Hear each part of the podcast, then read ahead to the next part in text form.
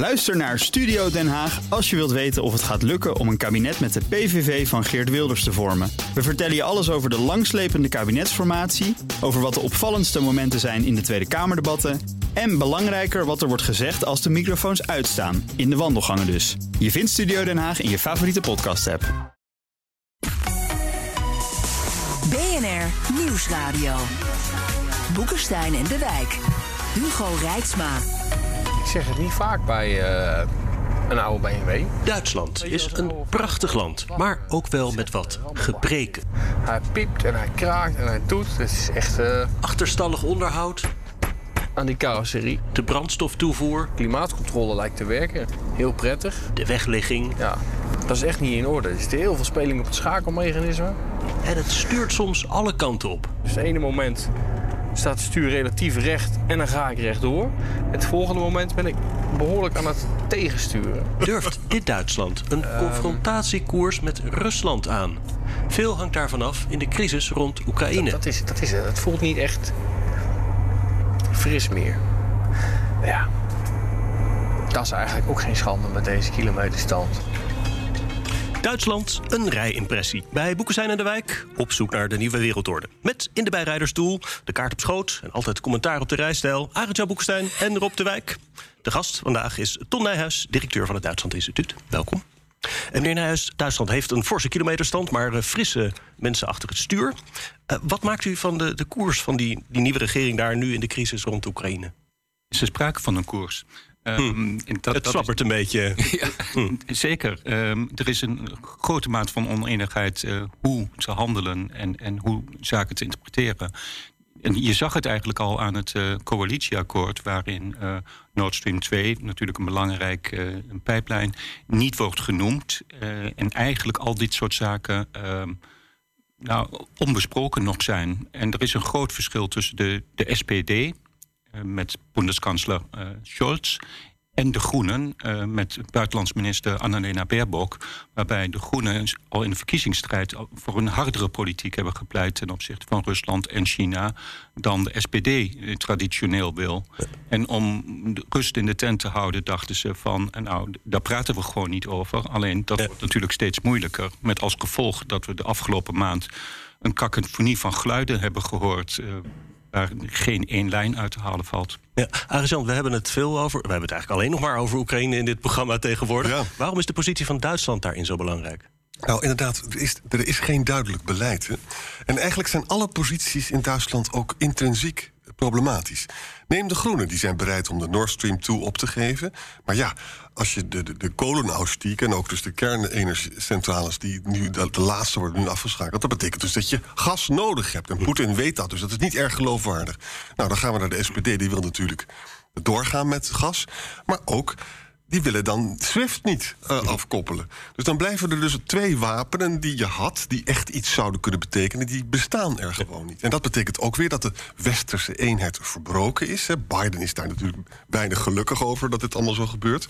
En dat betekent dat Poetin eigenlijk een hele goede week heeft gehad. Meneer Nijs? Ja, toch een kleine correctie. Um, Nord Stream 2 gaat niet over de vraag of Duitsland gas nodig heeft. Het gas wat Duitsland nodig heeft, kan ook via de traditionele pijpleidingen uh, worden via nummer 1 doorgevoerd. Dus hm. daar gaat het helemaal niet om. Maar Nord Stream 2 was natuurlijk altijd wel een, een SPD-project met, met de oud-bondskanselier Schreuder uh, nog aan het stuur. En je ziet dat hij binnen de partij eigenlijk de partij nog in, in gijzeling neemt. Uh, Christine Lambrecht, de minister van Buitenlandse Zaken, SPD, die zegt van... we hebben SWIFT nodig, want anders kunnen we de Russen niet betalen voor het Russische gas. Ja, echt waar? Ja. En, en, en uh, de, de generaalsecretair uh, die zegt van... ja, nou, over Nord Stream kunnen we niet uh, onderhandelen. Dat mag niet doorgaan. Dus de positie van de SPD is eigenlijk... we willen Rusland onder druk zetten, maar Nord Stream 2 mag niet... SWIFT mag niet... We zijn ook niet bereid uh, wapens te leveren, ook geen defensieve wapens, gegeven ons verleden, terwijl ze wel de op drie na grootste wapenexporteur van de wereld zijn. Ja. Maar wat ze dan wel willen, dat weten, ze. dat weten we niet. Nou, dat betekent dus dat de druk op uh, Duitsland wordt gezet. En niet zo'n klein beetje ook. Ik ben heel benieuwd wat er is gebeurd achter de schermen met, uh, met Blinken, die, die Berlijn heeft. Die was daar donderdag? Ja, wat, gaat die, wat heeft hij gezegd? Ik eh, denk dat hij hetzelfde heeft gezegd als Trump. Althans, als ik blinken was, zou ik dat doen. Eh, namelijk, eh, hoor eens even, als jullie willen, ga, eh, u willen vertrouwen op onze collectieve defensiegarantie in de, in, in de NAVO... dan zul je dus nu ook over de brug moeten komen met hele harde sancties. Dus die, die druk wordt gigantisch opgevoerd. Ja. En Duitsland begrijpt heel goed, zo stom zijn ze ook weer niet... dat als ze dat niet doen, dat ze totaal geïsoleerd zijn in Europa... en dat ze de transatlantische relatie opbouwen, opblazen. Want je kan niet ehm, in een situatie komen waarin Amerika deze klus gaat klaren... terwijl het ons probleem is hier in Europa. Ja. Ik bedoel, dat begrijpen ze daar ook wel, hoor. Maar, maar toch, ehm, ik bedoel, druk opbouwen, ja, dat, dat zal zeker gebeuren. Maar wat blijft er eigenlijk over? Ook de Verenigde Staten twijfelen op dit moment aan SWIFT als, ehm, als atoombom onder het internationale. Nou, zo'n atoombom is dat niet, hoor. Nou, dat, dat zijn de woorden die dan gebruikt worden. Ja, dat weet ik, ja. Maar ehm, je kunt je bij Nord Stream 2 natuurlijk ook nog voorstellen dat de Duitse regering onder druk zegt van oké, eh, dan nemen we die niet in gebruik, maar die pijplijn blijft gewoon liggen. En of die nou een jaar later in gebruik wordt genomen of niet. Nee, maar dat kunt ook niet, hè? Dus wat blijft er voor het Westen over aan, aan sanctiemogelijkheden Heel die, weinig. die, die Nou, nee, hoor, Rusland echt pijn gaan doen? Oh, dat, dat ligt helemaal niet op het gebied van SWIFT. Dat zal waarschijnlijk 2% van het eh bruto binnenlands product eh, gaan, eh, gaan kosten. Eh, ze hebben al lang eh, in eh, Rusland eh, geprobeerd om een alternatief voor SWIFT te ontwikkelen. Eh, dus nee, dat, is het, dat is het punt, denk ik. maar wat dan En- wel? Oh, halfgeleiders. Als je dus echt Rusland wil gaan, eh, gaan treffen... en dat wordt nu ook achter de schermen in de Verenigde Staten... wordt dat in een sanctiepakket gegoten... dan moet je ervoor zorgen eh, dat, dat Rusland geen halfgeleiders meer krijgt. Althans, geen geavanceerde halfgeleiders. Ze maken ze zelf niet. Hetzelfde probleem als eh, China. Dan gaan de Amerikanen tegen de Europese bedrijven zeggen... alle halfgeleiders die met Amerikaanse tooling zijn gemaakt... die, die mag je niet exporteren. Ook alle hardware die met eh, Amerikaanse tooling is gemaakt... die mag je niet eh, exporteren. Je mag überhaupt geen Amerikaanse halfgeleiders gebruiken.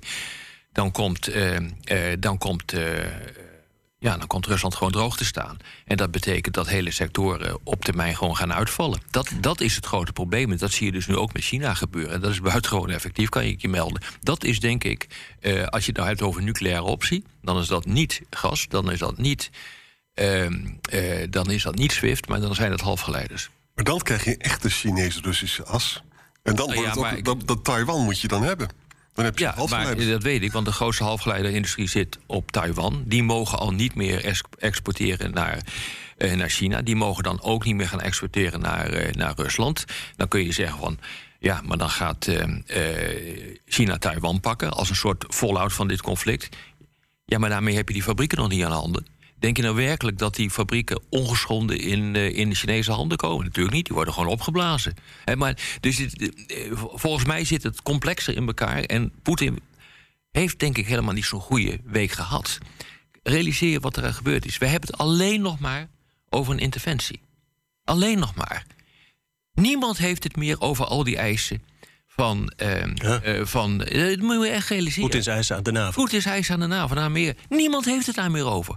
Ik vind dat Biden dit fenomenaal doet. Die heeft de hele discussie weggebogen van die eisen. Die zijn, die, die, waar zijn die gebleven, die eisen? Niemand praat er meer over. Er wordt alleen nog maar gepraat over, ehm, eh, over een mogelijke interventie. Biden doet net alsof hij aanstaande is. Dat is ook heel handig, zou ik ook doen. Als ik Amerikaanse president was, zou ik zeggen... maar jullie zijn bezig om aan te vallen. Moet je eens kijken wat daar gebeurt. Nou, er gebeurt helemaal niet zoveel op dit ogenblik. Dus hij- Poetin wordt compleet in de defensief eh, eh, gedrongen. Die moet zeggen: nee, nee, nee, ik eh, ben helemaal niet bezig met de voorbereiding voor een interventie. Is ook al een paar keer gezegd. Maar het gaat er alleen maar over. Het gaat totaal niet meer over die eisen. Dat is wel heel slim, hoor, moet ik, moet ik zeggen. En, en Ariel, volgens mij vond jij ook dat Biden op een ander punt geblunderd had. eh. Ja, wat, wat ik onverstandig vond, maar we moeten er maar even precies over praten. Ah, hij gaf dus toe dat de westerse eenheid niet bestond. Hij zei van ja, er zijn allemaal oneenigheden. Dat vond ik machtspolitiek niet zo verstandig. Dat kan je, moet je niet zelf benadrukken dat het zo is. En wat, wat het tweede probleem was, oh ja, dat hij dus. eh, dat hij de suggestie wekte dat een kleine aanval misschien ook dan dus een geserreerde Ja. Reactie zou Nou, hebben. wat heeft hij nou precies gezegd? Hij heeft gezegd: als je een kleine aanval uitvoert, dan weet ik niet wat de reactie is van het Westen. daar heeft hij. eh, daar heeft hij. Officieel geeft hij daar gelijk in. En er is altijd sprake van disproportionaliteit in de internationale betrekkingen. Ik bedoel, eh, stel je voor dat een bataljon eh, van de Russen over de grens komt in de richting van. Eh, van, eh, van de Krim of van de Donbass, dan ga je niet antwoorden met een kernwapen. Hé, Ik bedoel, dat is niet proportioneel, om maar wat eh, te noemen. Dus dat is feitelijk juist. Maar wat er gebeurd is, en daarom vond ik een hele verstandige opmerking, is toen hij zei van ja, er zijn gewoon twijfels aan de Europese bondgenoten. Onmiddellijk begonnen alle Europese bondgenoten te zeggen: nee, de gelederen zijn gesloten. Aha. Het, het, ik had dat ook gedaan. Hij provoceerde eenheid. Hij, hij, hij dwong de Europeanen tot eenheid. En dit is precies hoe het werkt. Dat, is, dat doet iemand die echt begrijpt. Waarom is hoe hij er dit dan op teruggekomen als het zo slim was? Het, het- Hij is er niet op teruggekomen. Zijn, eh, zijn, zijn woordvoerders. Die hebben vervolgens gezegd van ja, nee, het valt inderdaad wel mee. Want kijk maar, dit is eh, wat we nu horen vanuit de bondgenoten. En daarom denk ik, die Duitsers op een of andere manier gaan gewoon overstag straks. Dat kan niet anders. Die, die zijn gewoon in de hoek gemanoeuvreerd. Ik vind dat wel knap. Moet allemaal nog blijken of het allemaal gaat werken. Maar de reacties daarop waren, waren keihard uit Europa. Nee, nee, nee, wij zijn één. Oké, maar En, dat en dat ons... geloof jij dan? Ja. Ja, dat doet er niet. Dat doet er niet toe of dat, of Nou ja, dat op klopt. het moment dat er besluiten moeten worden genomen, wel. Als, Oh, maar als die besluiten komende. Weet je, eh, eh, ik zeg altijd: kijk naar de Tweede Kamer. Dat is ook één grote bende, maar uiteindelijk wordt er een besluit genomen. Europa is één grote Tweede Kamer. Het is een bende, maar uiteindelijk wordt er een besluit genomen. Hè, hoe vaak hebben we hier niet gezeten met allerlei discussies over Wit-Rusland? Want de Europese Unie komt niet met, eh, eh, die komt niet met, eh, met sancties.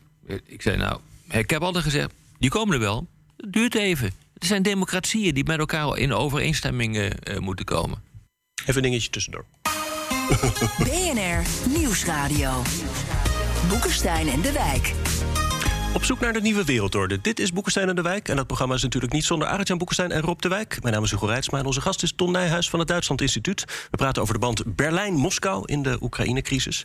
Eh, weinig bilaterale betrekkingen, denk ik, waar meer bloed in is gevloeid. Als we nou kijken naar Duitsland, dat dus erg onder druk staat eh, om, om hard op te treden naar Moskou. Hoe, hoezeer speelt die, die geschiedenis daar voor Berlijn nog een rol in, meneer Nijhuis? Ja, dat speelt een grote rol. Eh, natuurlijk heeft, he- heeft de Sovjet-Unie miljoenen mensen verloren in, in, in, in de Tweede Wereldoorlog. En dat, eh, dat levert een, een bepaald. Ja, dat, dat levert natuurlijk schuldgevoelens op en, en een verantwoordelijkheid. En dus, eh, Rusland is er heel slim in om telkens Rusland en de Sovjet-Unie gelijk te stellen. Alsof eh, de- Rusland eigenlijk gewoon de voortzetting van de Sovjet-Unie is. Juridisch is dat ook zo. Nee, de is Sovjet- opvolgestaat. Nee, Natuurlijk nee, wel. Nee, nee, nee. Maar waar zijn de meeste doden gevallen in de Tweede Wereldoorlog? Dat is in de Oekraïne en in Wit-Rusland. Ja, maar dat is ook Eh, wel en zo. dat, eh, Ja. Dus als Duitsland een historische verantwoordelijkheid heeft... dan heeft het ook een historische verantwoordelijkheid richting de Oekraïne... en ook richting Wit-Rusland. Wordt dat En- ook en- zo gevoeld? Jawel, alleen er is altijd een traditie geweest in die Duitse geschiedenis om rechtstreeks met Rusland te praten. Hè. Bismarck zei in de 19e eeuw al: we moeten de draad naar Petersburg vasthouden. We hebben de Oostpolitiek van Willy Brandt gehad, die over de landen van Midden- en Oost-Europa heen contact zocht met, eh, met Rusland. Toen Solidarnosc in de jaren 80 eh, opkwam, waren de SPD'ers niet voor om met Solidarnosc te spreken... omdat je het dilemma had, we willen stabiliteit en vrede... en daarvoor moet je met de machthebbers spreken, dus de communistische regimes. En eigenlijk willen we ook wel vrijheid en democratie voor de mensen... maar dat maken we toch maar even ondergeschikt aan eh, de doelstelling van vrede en stabiliteit. Dus in, in Polen en in de Baltische Staten en dergelijke... hebben ze altijd het gevoel, uiteindelijk gaat Berlijn direct met Rusland spreken. En dat gaat over onze hoofden heen. En dat is een van de redenen waarom de Polen natuurlijk zoveel eh, naar de Verenigde Staten kijken voor hun veiligheidsbelangen. Omdat ze weten dat ze die niet in Berlijn krijgen. Nou ja, afgezien daarvan, ik ben het mee eens met de analyse. Die krijgsmacht stelt natuurlijk ook geen hol meer voor in, eh, Nee. in Duitsland. Ik bedoel, ze hebben er dezelfde bende van gemaakt als wij hier in Nederland en in België. En de, en de Duitse burgers willen absoluut niet meer geld voor defensie uitgeven. Nee. En ze vinden, een groot deel van de Duitsers vinden eigenlijk Rusland beter te begrijpen dan Amerikanen.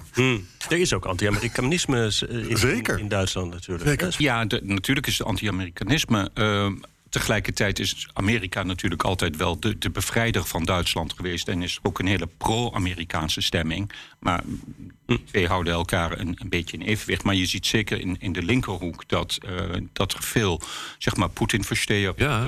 Rusland-begrijpers zijn. En, en dat, Dat valt mij echt op hoor in Duitsland. We hebben eh, een aantal jaar geleden ook een brief gehad van allerlei prominenten die zeiden: we moeten toch een beetje aardig zijn voor, eh, voor Rusland.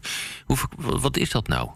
Nou ja, dat zijn, zijn die historische contacten. Ehm, het is een- het gevoel ook cultureel met elkaar verbonden te zijn. Ja. Ehm, het is natuurlijk ook het grote buurland.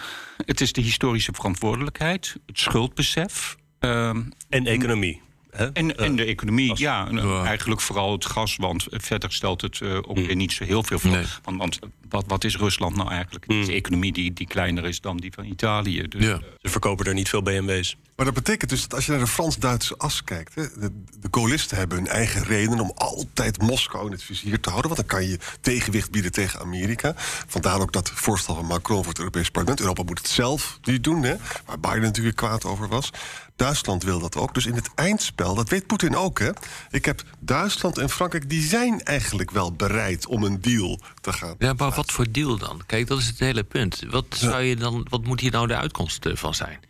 Ik, kijk, de, de eisen die op tafel zijn eh, gelegd, waar nu niet meer over worden gesproken, wordt er gesproken, die zijn onacceptabel. Dus ik bedoel, da- dat kan geen onderdeel van de deal zijn.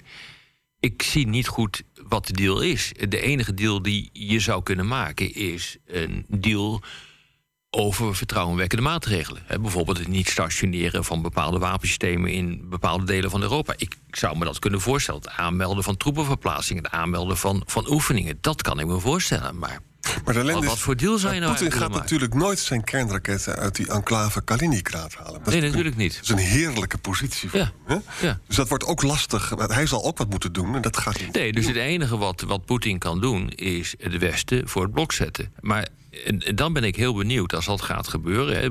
Stel je voor dat, eh, dat eh, men zegt van eh, die enclave of de Donbass, hè, waar die opstand is, dat wordt. wij erkennen dat als een zelfstandige gebied. staat, als Russisch gebied. Ja. We hebben daar een verantwoordelijkheid voor. Er is ook in 2020 een grondwetswijziging geweest, waardoor die verantwoordelijkheid er ook is volgens de grondwet. Maar, wacht, ja, maar, maar daarmee gebeurt iets wat volstrekt contrair is aan het internationale recht. En ik ben dan heel benieuwd wat Duitsland gaat doen.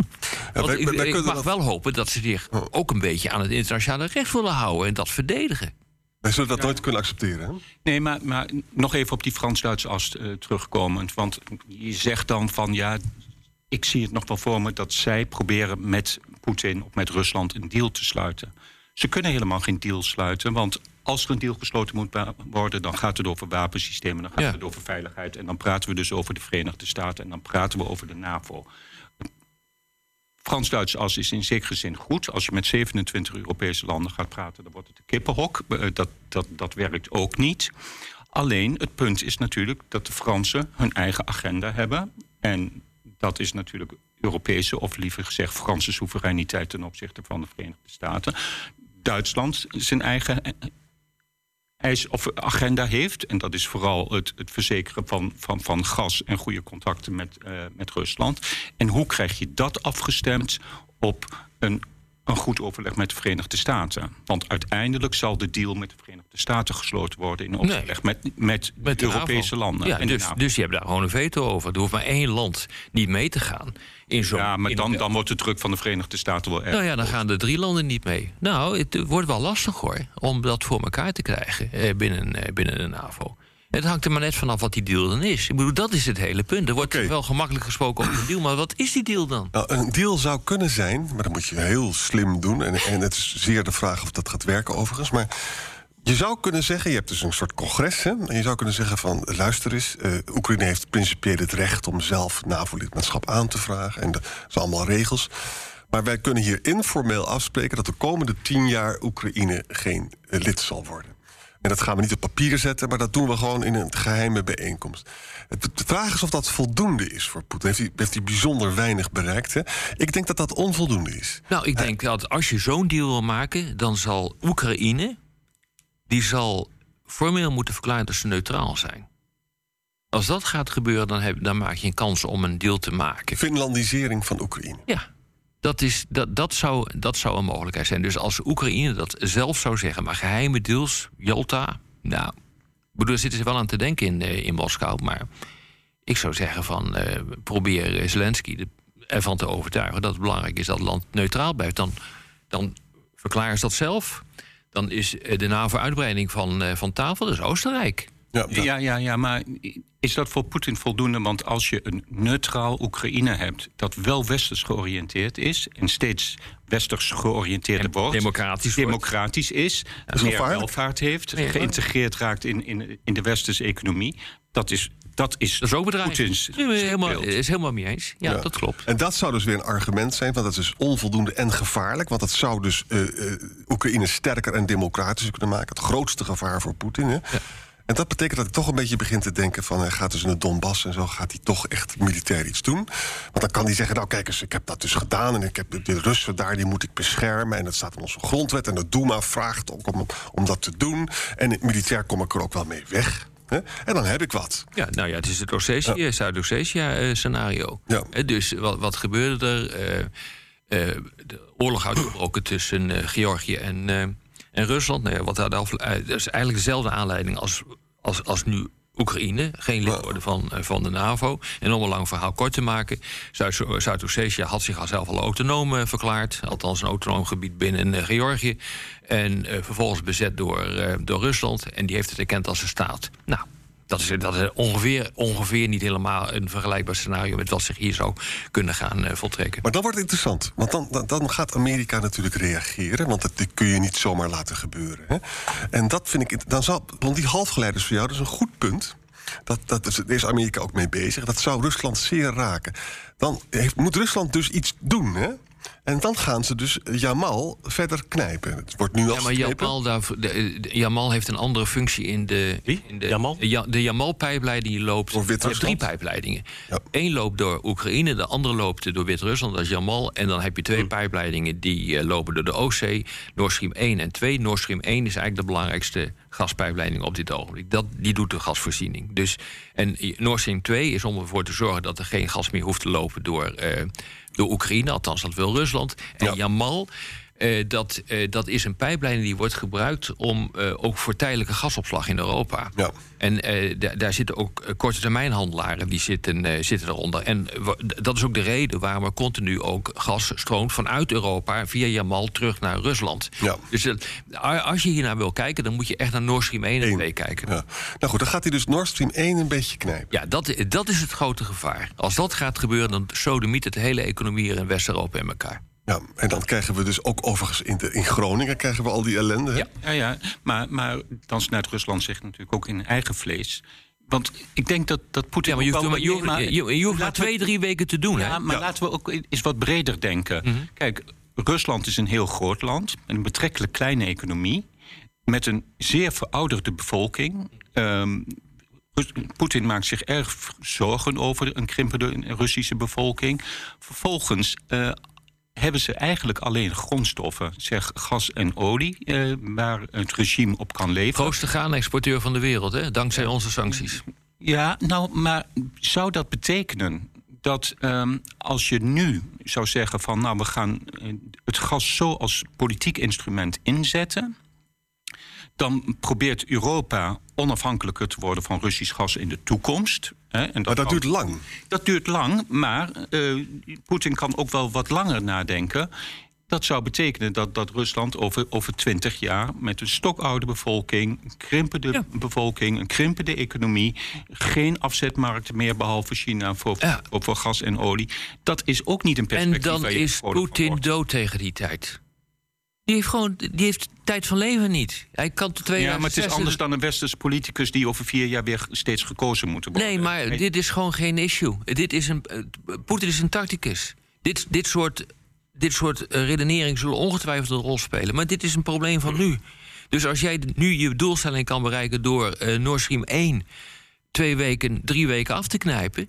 Doe je dat. en daardoor je doelstellingen te bereiken, denkt hij, dan gaat hij, in als een glo- dan gaat hij de geschiedenis in als een glorieuze president.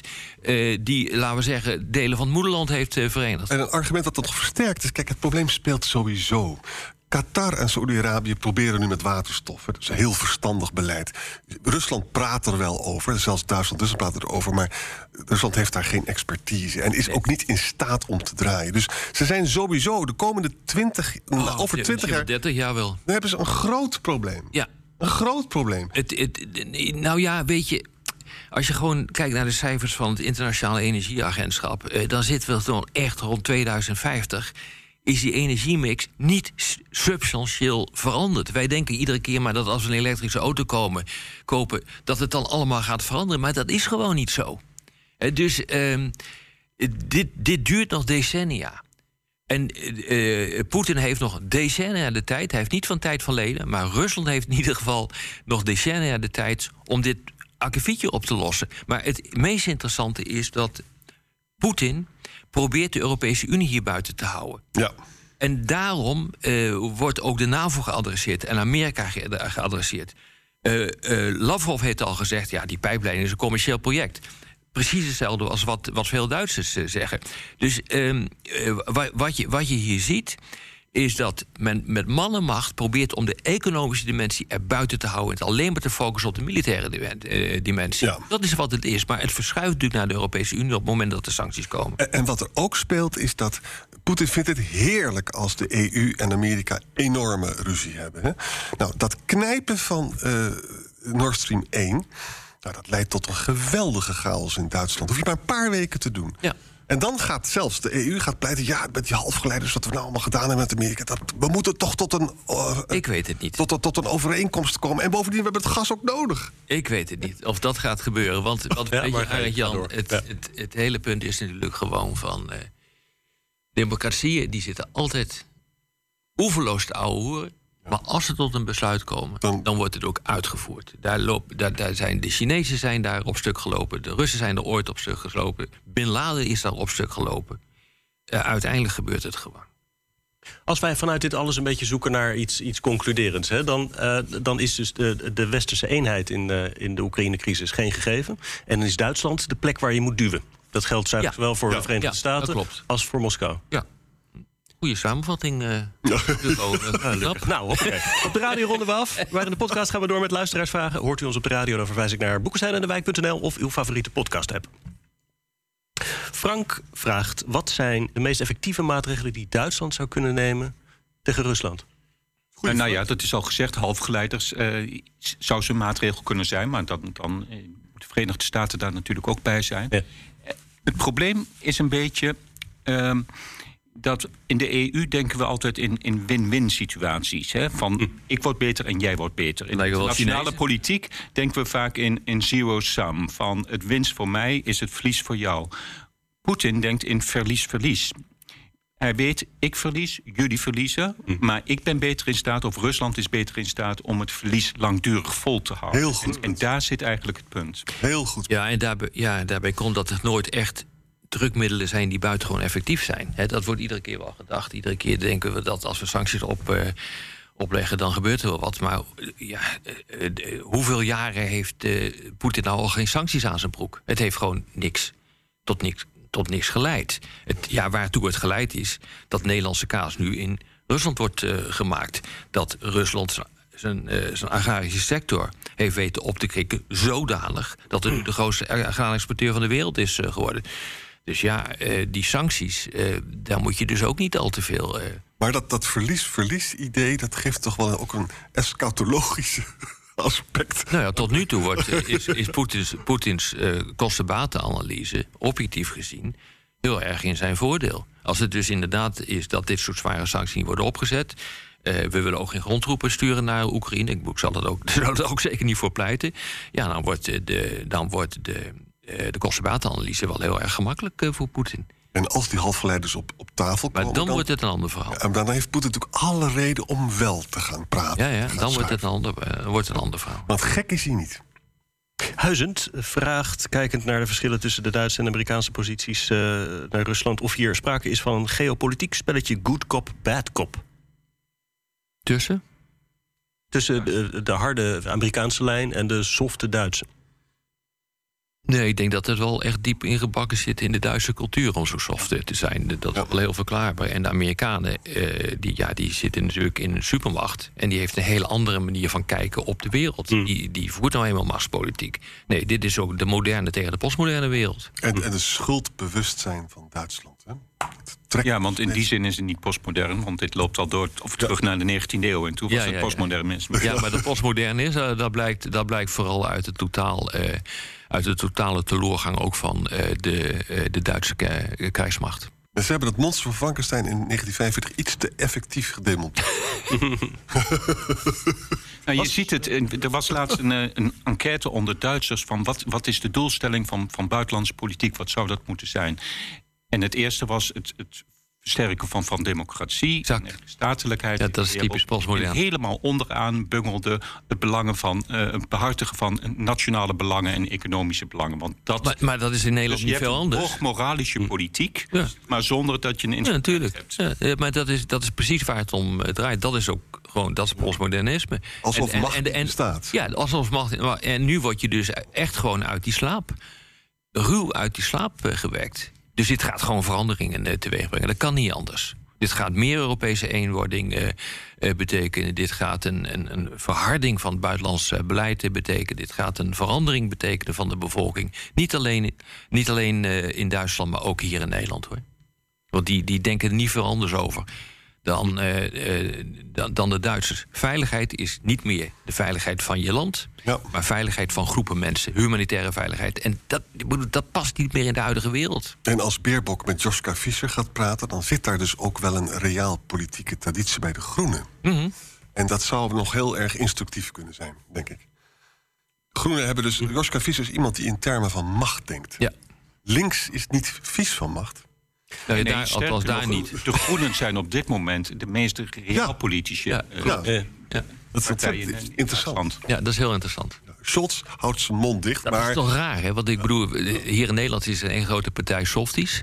En, en in Duitsland is dat dus niet het geval. Ja. Arendt Ja, Jan, vertel, vertel eens, hoe komt dat nou eigenlijk? Nou, ei- eigenlijk is het heel simpel. Eh, je zit natuurlijk in, in de internationale politiek altijd met het probleem dat je aan de ene kant je waarden hebt, hè, het verdedigen van, van mensenrechten, eh, democratie en dergelijke, en aan de andere kant je economische belangen. En voor, voor de SPD en, en de CDU waren die economische belangen uiteindelijk doorslaggevend in de politiek richting Rusland en richting China. En zij, dus toch wel een beetje postmodern. ehm, Hoewel ik het anders zou formuleren, zeggen van nee, we moeten die waarden toch centraler stellen. En eh, dan macht eventueel economisch verlies ook. Ja, nou ja, goed, maar waarden worden geen, steeds minder een exportartikel. En daar zul je gewoon mee moeten, eh, moeten leren dealen.